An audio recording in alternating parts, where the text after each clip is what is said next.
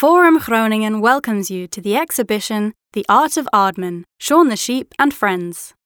This exhibition, consisting of over 350 drawings and nearly 50 sets and characters, reveals Aardman's distinct identity in the world of cinema. Their unique impression is recognizable thanks to the hands of the sculptors that bring their creations to life. Through the means of animation, the artists give shape to their imagination so as to animate shape itself. The family photos which decorate the wall near the entrance of the exhibition bring us back to the mid 70s in England. The photographs reveal Peter Lord and David Sproxton as the two friends who founded Aardman in 1976.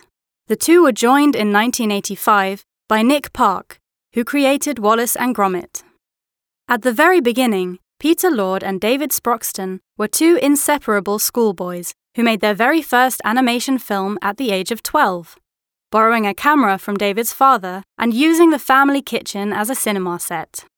Their passion and talent led them to make another short movie that they sold to the BBC for the modest sum of £15.